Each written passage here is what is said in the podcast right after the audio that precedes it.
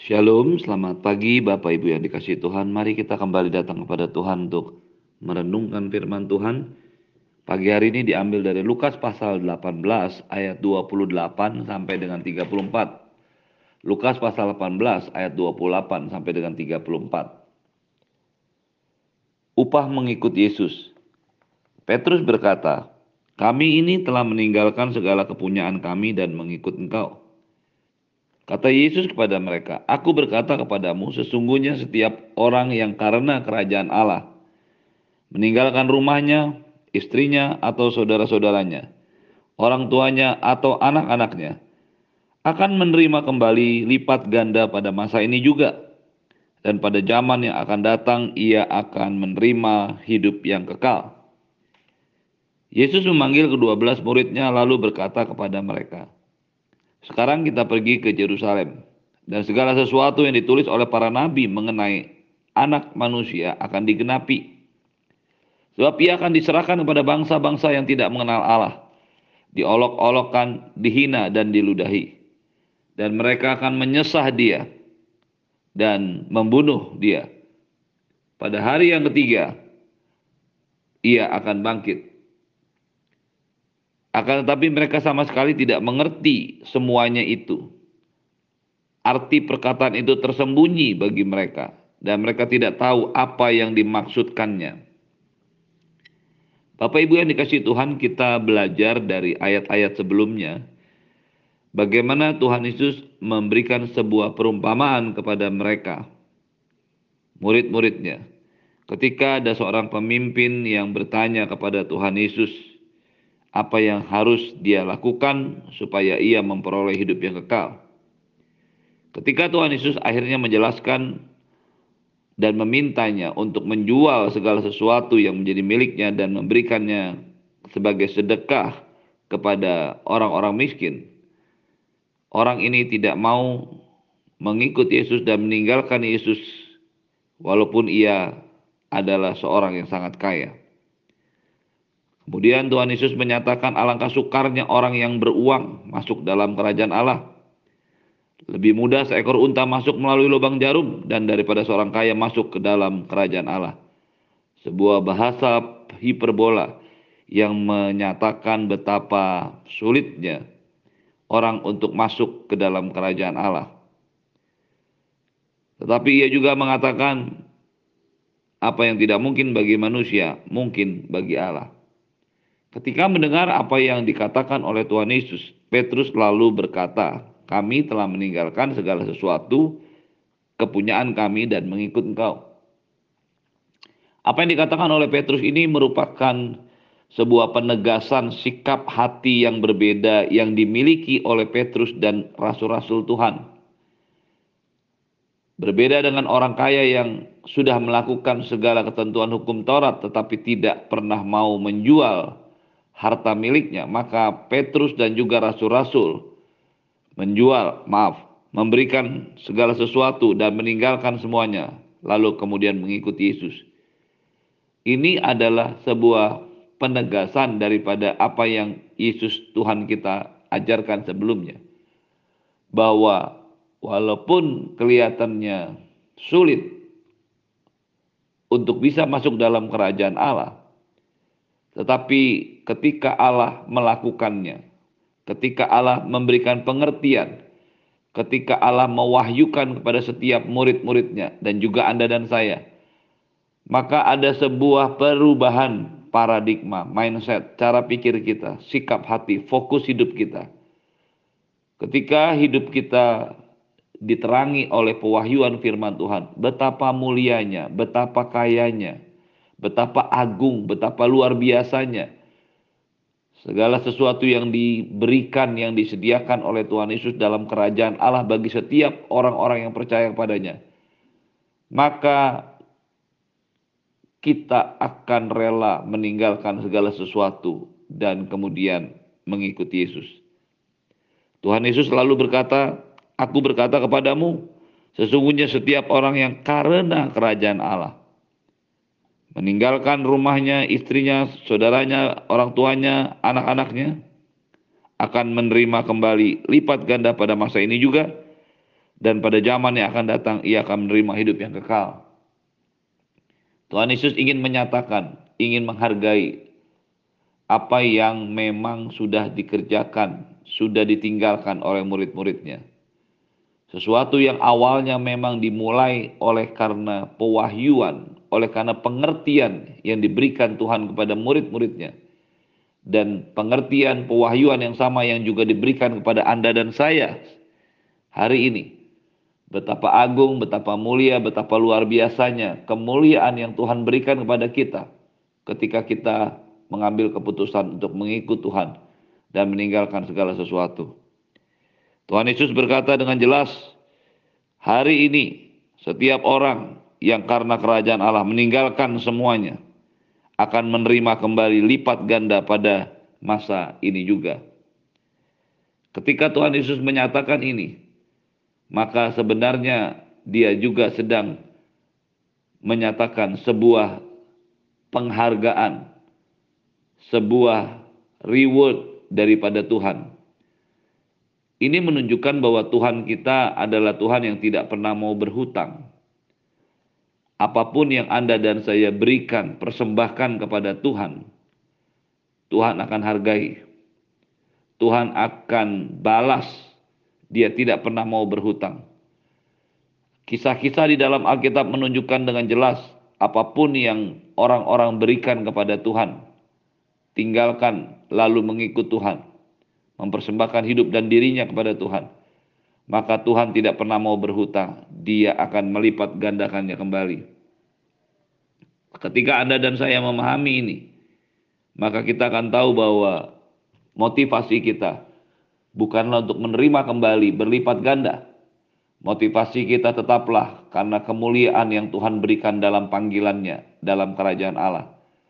Sesuatu yang sebenarnya begitu mudah untuk kita mengerti, bahwa ketika Anda dan saya mengambil keputusan untuk mengikut Tuhan, maka pribadi yang Anda dan saya ikuti itu adalah Tuhan pencipta langit dan bumi.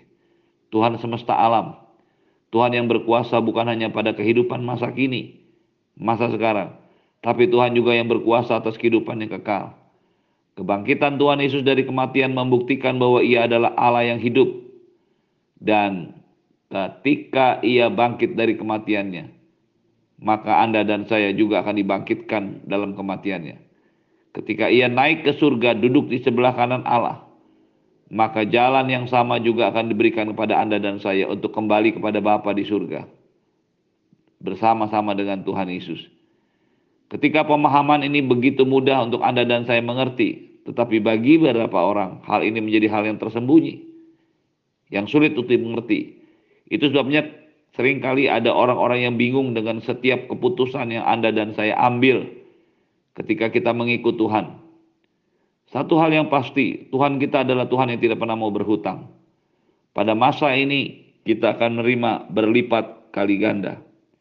Dan pada masa yang akan datang, kita akan menerima hidup yang kekal. Ini adalah sebuah kebenaran yang luar biasa. Bahwa apa pun yang Anda dan saya berikan buat Tuhan hari ini, apa pun yang Anda dan saya persembahkan kepada Tuhan hari ini, apa pun apa yang Anda dan saya tabur kepada Tuhan hari ini, baik waktu, tenaga, uang, atau harta, semua yang Anda dan saya berikan, Anda dan saya akan menerimanya kembali pada masa kali ini juga, berlipat kali ganda.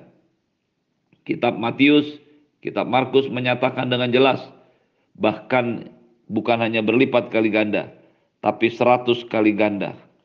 Semuanya akan diberikan Tuhan kepada Anda dan saya yang karena kerajaan Allah meninggalkan segala sesuatu lalu mengikut dia.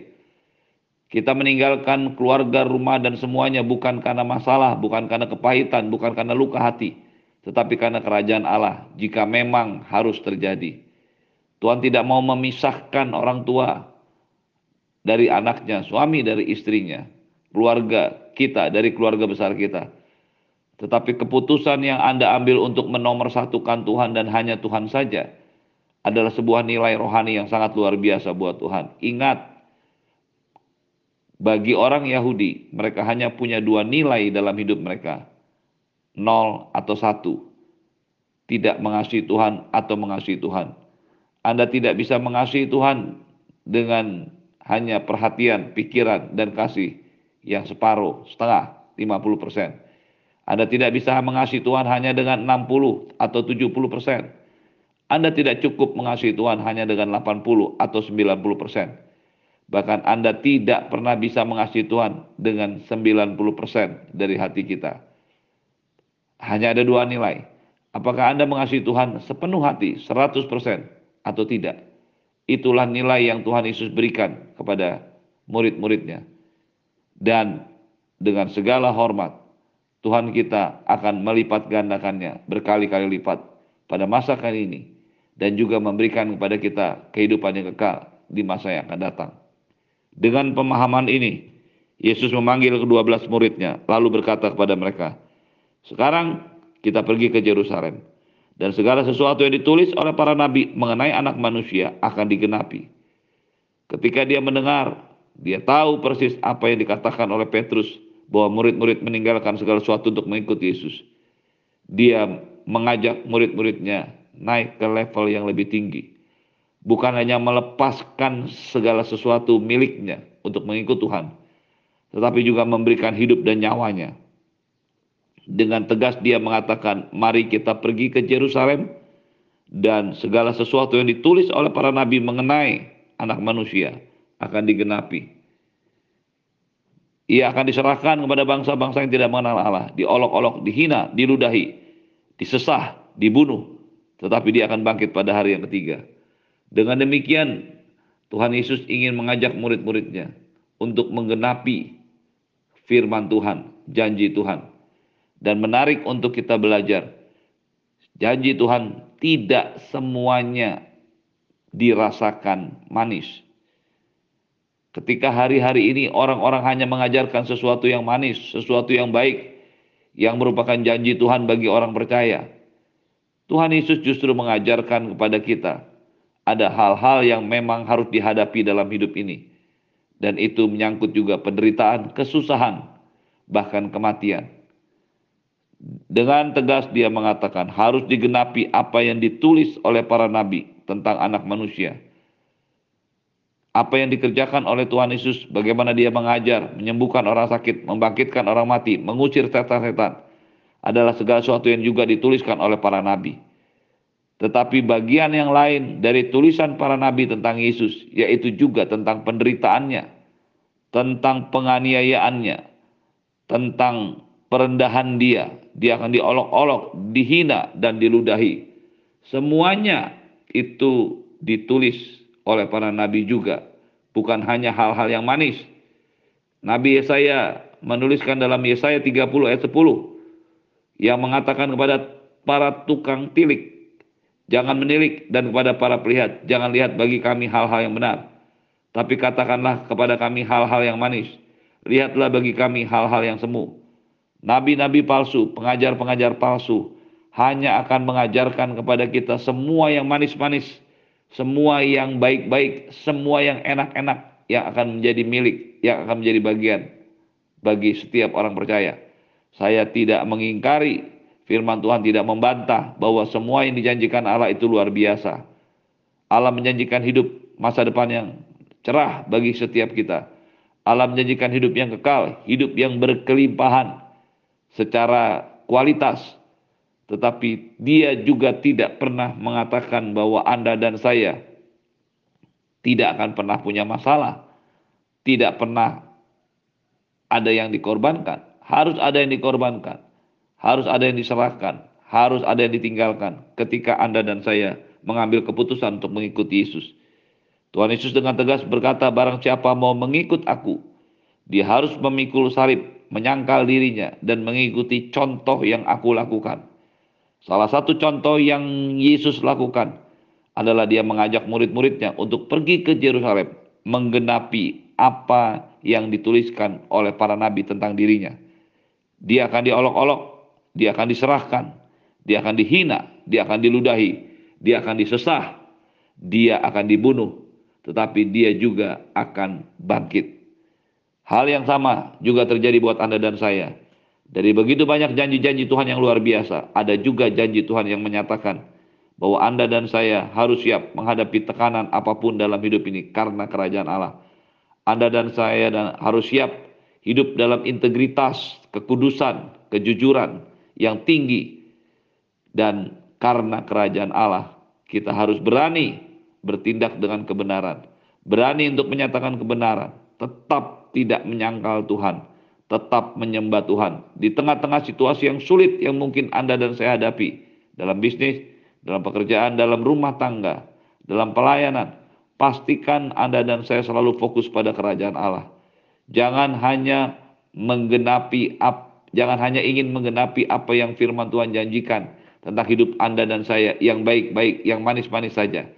Tapi bersiaplah juga untuk menggenapi apa yang dituliskan, apa yang dijanjikan Tuhan, apa yang direncanakan Tuhan buat hidup Anda dan saya. Untuk memurnikan iman kita, untuk menyatakan kasih kita yang sejati kepada Tuhan melewati semua masalah kesulitan tekanan dalam hidup ini, bahkan penderitaan karena nama Yesus, Anda dan saya akan mengenapi seluruh firman Tuhan yang ada dalam hidup kita. Terimalah berkat yang berlimpah dari Bapa di surga cinta kasih dari Tuhan Yesus, penyertaan yang sempurna daripada Roh Kudus, menyertai hidupmu hari ini dan sampai selama-lamanya. Di dalam nama Tuhan Yesus semua yang percaya katakan amin. Shalom, selamat pagi, selamat menggenapi firman Tuhan dalam hidup kita.